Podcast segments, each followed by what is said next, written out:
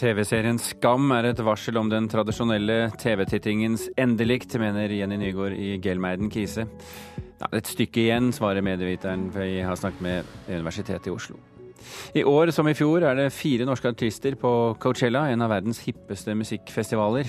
Amerikansk musikkbransje lar seg imponere, hevder Music Norway. Og filmen 'Pyromanen' gjør dagen til en god dag for norsk film. Den siste påstanden kommer fra vår anmelder, som lar seg imponere av Erik Skjoldbjergs nye film. Og Skjoldbjerg selv får du også møte senere i sendingen. Tenåringer ser 25 minutter mindre på TV nå enn for fem år siden. Det viser tall fra Statistisk sentralbyrå. Og med nyskapende TV-serier som Skam vil den tradisjonelle TV-tittingen dø ut, mener kommunikasjonskonsulent Jenny Nygaard i Gelmeiden Kise. NRK-serien har vært en stor hit. Jeg hadde eh, politikktentamen sist uke, og da gikk jeg rett på Nora. Liksom. Hun holdt på å krasje i meg, liksom. Så det er, det er liksom sånn Tredjeklassingene Lara, Betty, Marit og Lucy går på Hartvik Nissen, samme videregående skole som Skam spilles inn. Serien har de fulgt fra start. Men ser dere det på nett, eller ser dere det på TV? Eller ser Nei, på nettet. nettet? Ikke på den der NRK-sendingen. Det. Nei, det er, det er nett-TV. Nei, jeg vet ikke. Jeg tror ikke TV er like aktuelt for veldig mange. Jeg tror liksom eh, Internett og PC har erstattet mye av TV, TVs tidligere funksjon. Helt enig. Herregud, han er den mest usympatiske og selvopptatte mennesket jeg har møtt. Liksom. Dette er et paradigmeskifte i TV-produksjonen i dag.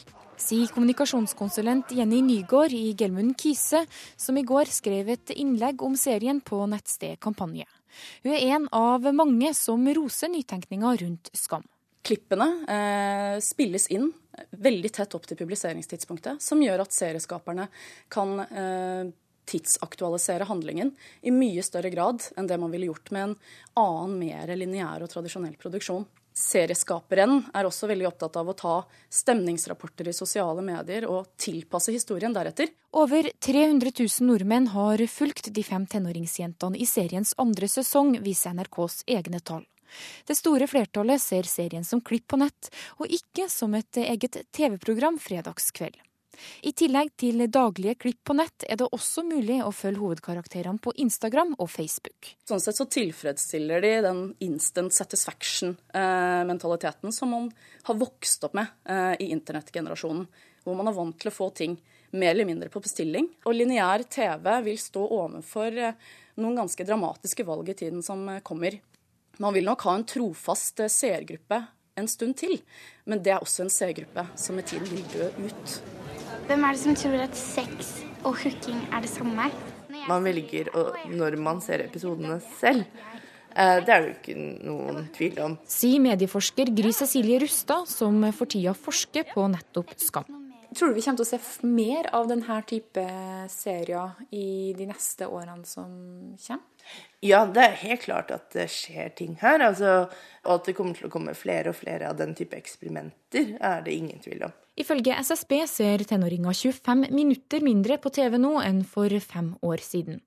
Men det betyr ikke døden for TV, sier Rustad. Drama og fiksjon er én ting, og så har man mange andre TV-kategorier som folk fremdeles ser lineært og live. F.eks. sportssendinger. Altså Fotball-VM-finalen samler én milliard mennesker samtidig i hele verden.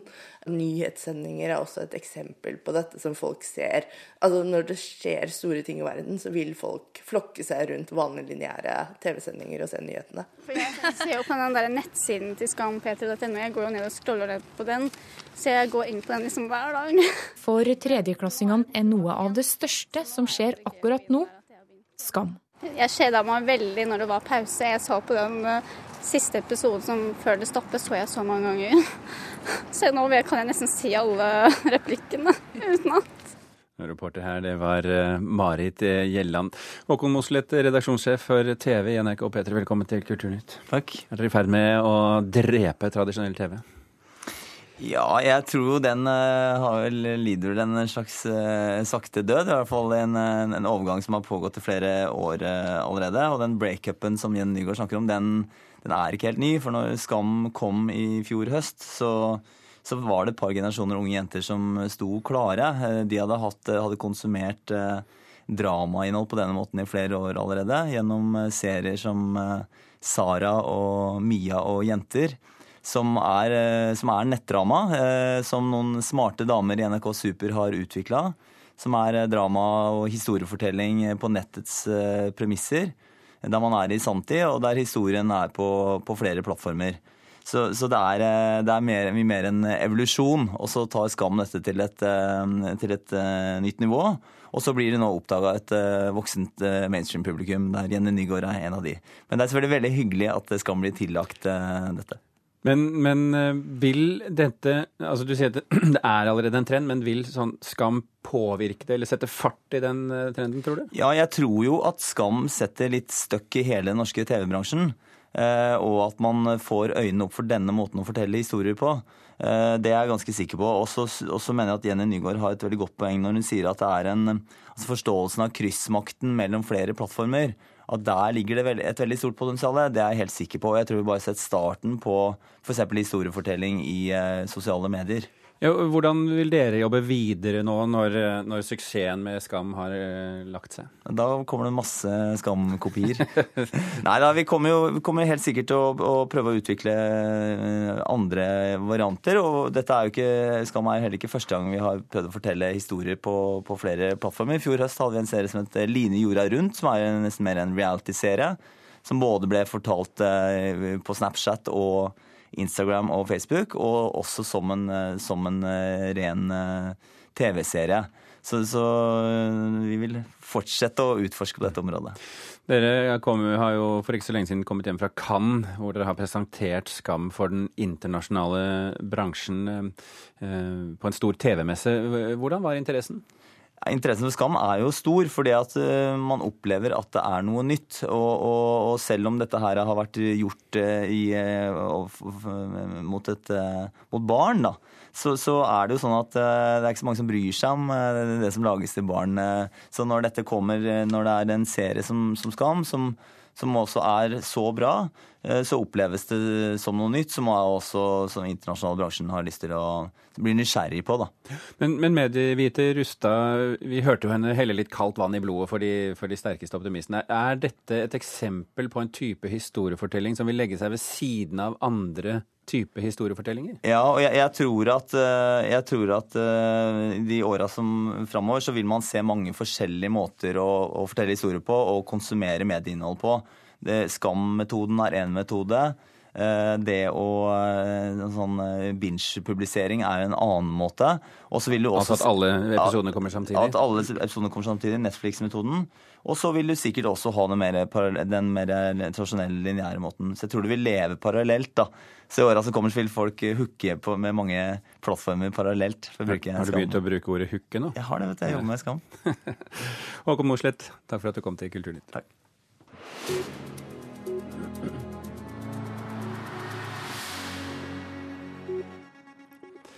Det er 400 eh, år siden eh, forfatteren William Shakespeare døde i år. Men var det han som skrev de kjente verkene som f.eks. Hamlet? Det har det jo vært diskutert eh, blant skeptikere siden 1700-tallet. Men nå har stadig flere av disse skeptikerne kommet inn i varmen, reporter Eirin Venås Sivertsen. Ja, eh, for nå har 600 akademikere skrevet under på en erklæring om at det er grunn til å betvile at Shakespeare skrev stykkene som bærer hans navn. Det skriver Klassekampen om i dag. Men, men var det eh, ham i det hele tatt, eller eh, at han skrev alle? Han i det hele tatt. Eh, hva slags beviser har de da?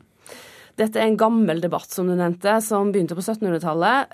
Det ble stilt spørsmål om det var mulig for én person å ha all den kunnskapen Eh, i språk, historie, medisin, mytologi, politikk og geografi som trengtes for å skrive disse intrikate dramaene. Og han hadde disse uten ingen utdannelse.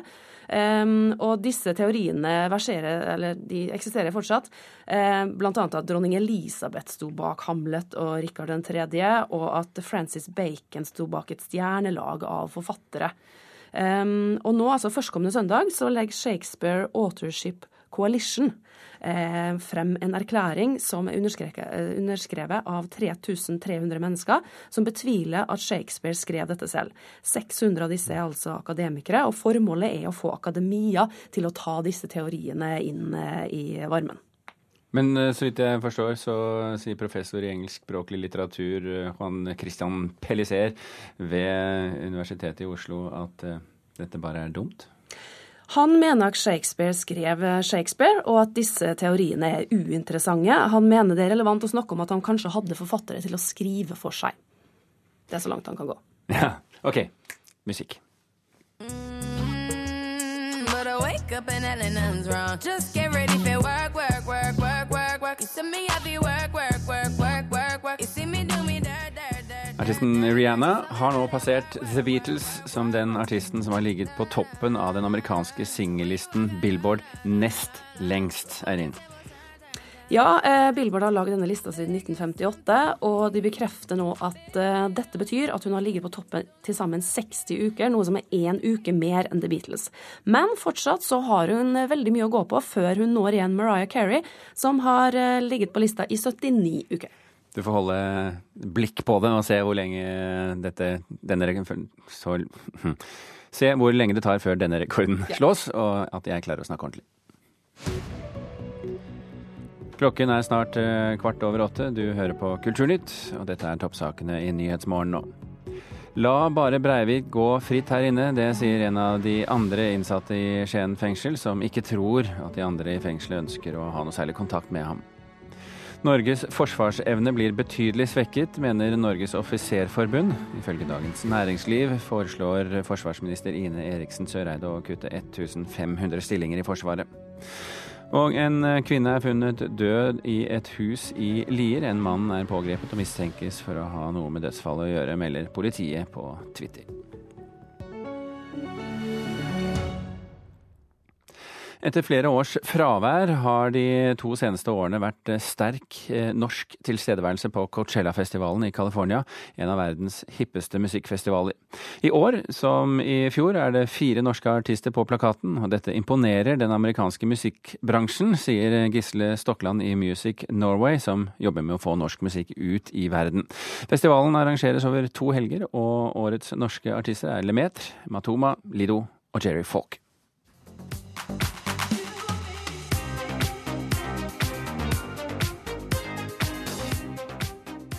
Det var helt sinnssykt, ass. Det var kanskje Altså, jeg var dritnervøs. Det var liksom 2000-3000 mennesker. I helga spilte Jerry Folk med dåpsnavn Gerhard Folkestad Taylor på Coachella-festivalen i California. Det var ei oppleving han er nøyd med. Uh, men jeg hadde forberedt meg godt, og det gikk jo jævlig bra. Festivalen er blant de mest kjente i verden og går føre seg over to helger. I år er det den førre og den som kommer, og det er fire norske artister på plakaten. Jerry Folk, Matoma, Lemaitre og Lido. Ja, de gjorde det dritbra alle sammen. Spilte for helt liksom packed scener. Packed publikum. Det var dritfett å se på.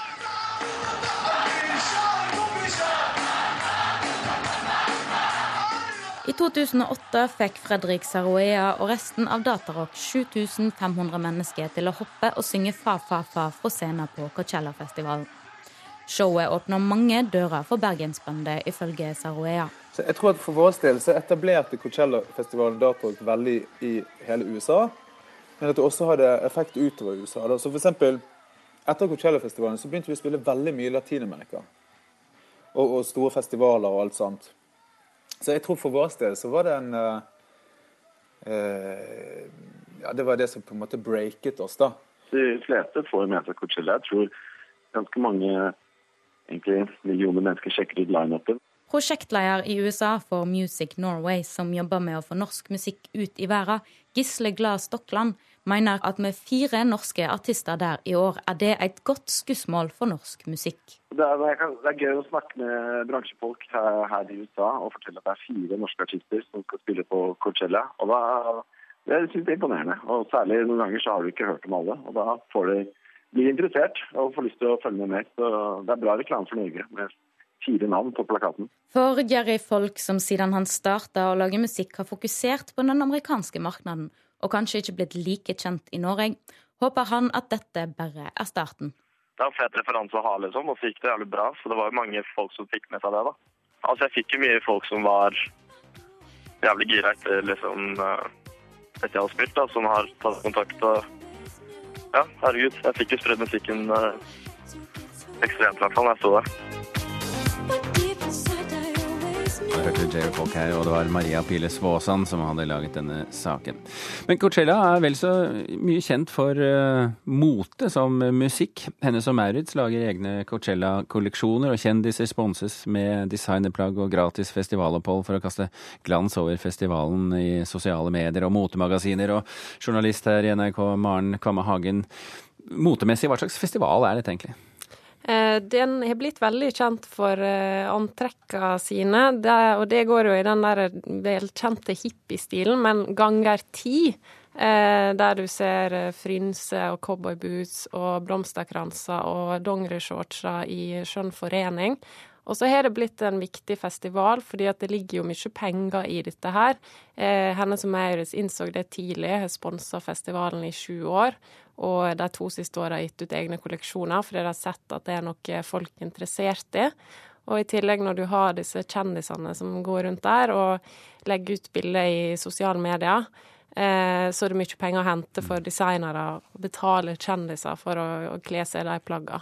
Men er ikke dette litt fascinerende at uh, motetrendene går eh, forskjellige retninger stadig vekk fra år til år, mens Coachella de kjører hippie hele tiden?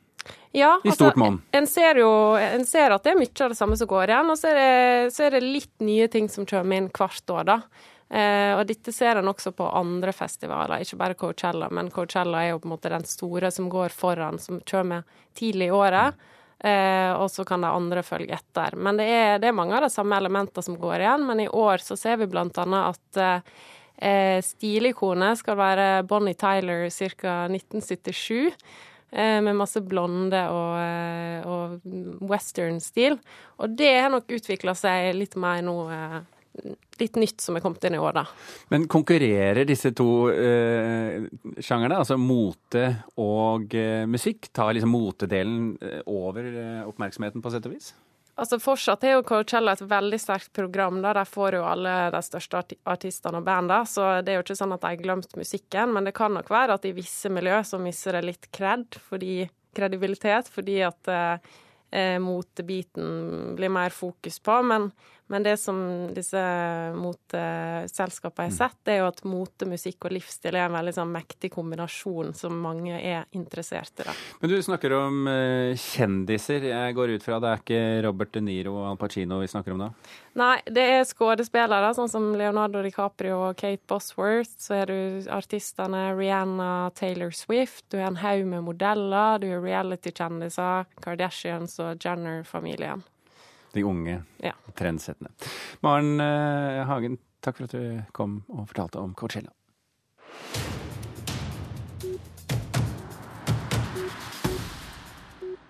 I går kveld var det førpremiere på filmen 'Pyromanen' i Kristiansand. Filmen som bygger på Gaute Heivolds bok 'Før jeg brenner ned' fra 2010. Som igjen bygger på virkelige hendelser i den lille bygda Finnsland, eh, fire mil nordvest for Kristiansand, i 1978. En god dag for norsk film, mener vår eh, anmelder Einar Gullvåg Staalesen. Gaute Heivolds roman 'Før jeg brenner ned' er bygdas opplevelse av et pågående ildspåsettingsdrama. Filmen Pyromanen til Erik Skjoldbjerg opplever det meste sammen med ildspåsetteren og i hans hjem. Han er sønn til brannsjefen og har alderen for å kunne delta i det frivillige brannkorpset som brannsjefen kaller ut hver gang alarmen går.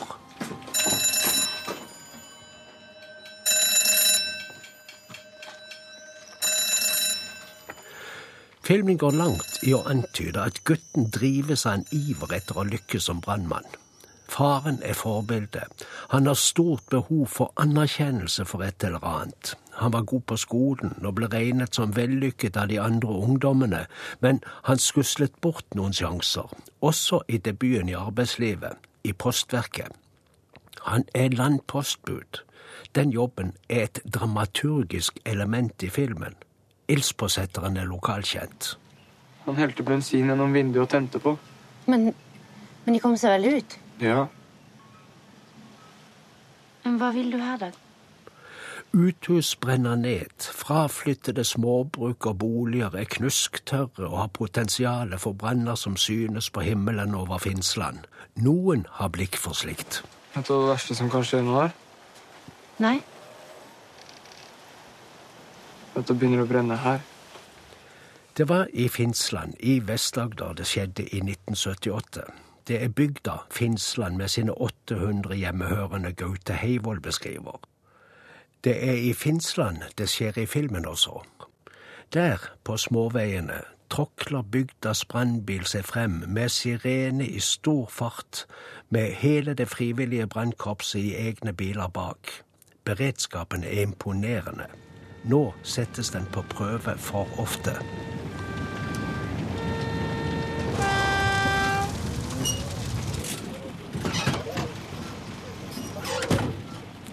Det er en lensmann der som kanskje aner konturene av noe.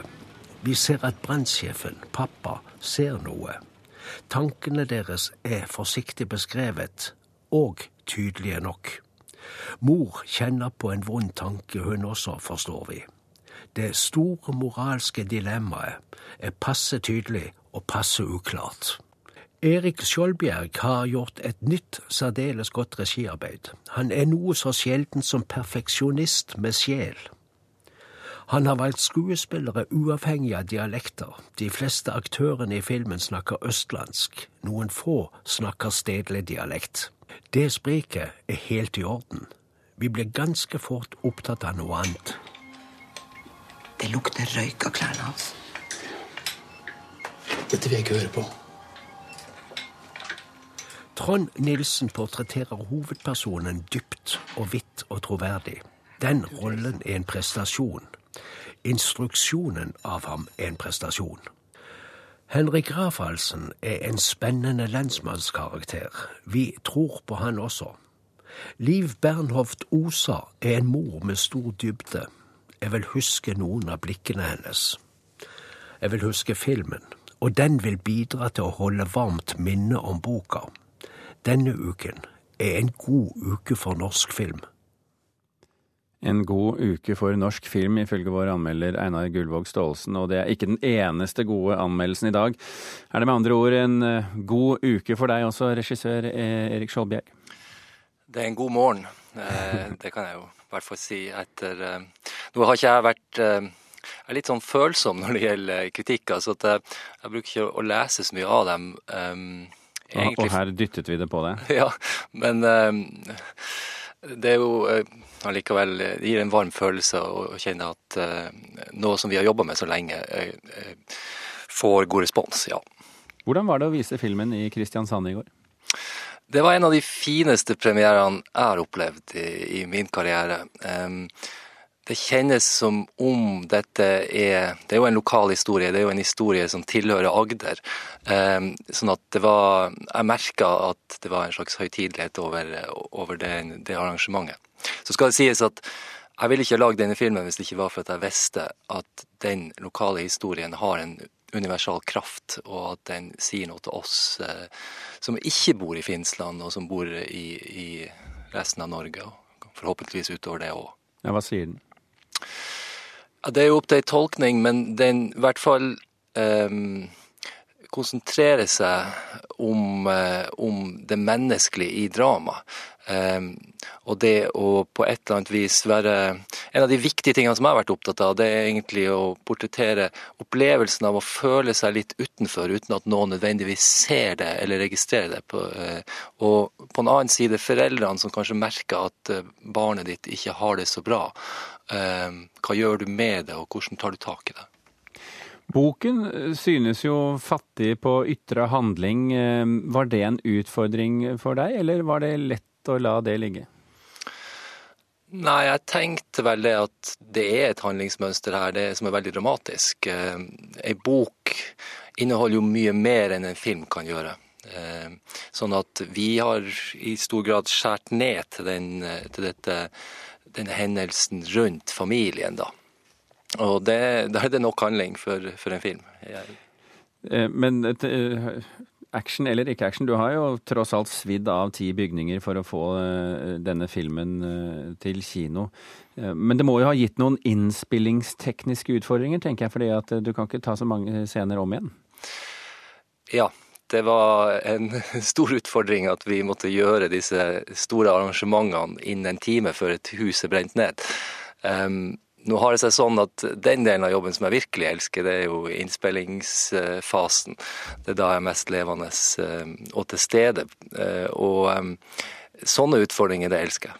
Men hvordan løste dere det? Altså, en scene fra litt start i, i brannen og i slutten av brannen. Du kan ikke klippe de to sammen veldig lett? Hadde, trente dere mye på forhånd? Ja, vi, vi, trente inn noen mønster, noen bevegelsesmønster som vi skulle utføre både med kamera og med skuespillerne. Men eh, vi klarte ikke å ta inn alle faktorene. Det er f.eks. at et lite vindpust gjør at det blir så enormt varmt en plass som vi hadde stått og trent, gjorde at eh, vi også måtte improvisere hele tiden. Mm. Vår anmelder Staalesen påpekte jo det. Filmen har noen utmerkede skuespillerprestasjoner. Hvordan var denne gjengen å jobbe med? Jeg er jo veldig glad i å jobbe med skuespillere, så jeg føler litt at eh, det aller viktigste for meg, det er rollebesetninga. Hvis, hvis, jeg kan finne noen som jeg, og forhåpentligvis publikum, vil umiddelbart tro i de rollene. Så eh, derifra ut så, så er det jo et sånt menneskelig møte mellom eh, meg og, og skuespillerne, hvor jeg på mange måter prøver å speile dem i, i, og få dem til å gå så langt som mulig, egentlig. Boken fikk god mottagelse da den kom i 2010. Får filmen den samme åtgeimen, tror du? Det vet jeg ikke. Boka er jo på mange måter en slags sånn moderne klassiker, så det har jo vært litt skremmende tanke at jeg skulle lage film på det. Men uh, um, jeg er stolt av filmen, det er vel egentlig alt jeg vil si om det. Erik Skjoldbjerg, eh, takk for at du var med oss fra Kristiansand eh, i Kulturnytt i dag. Vi er i ferd med å runde av nå. Eh, Gjermund Jappé og Birger Kolsrud Aasund takker for følget. Hør flere podkaster på nrk.no podkast.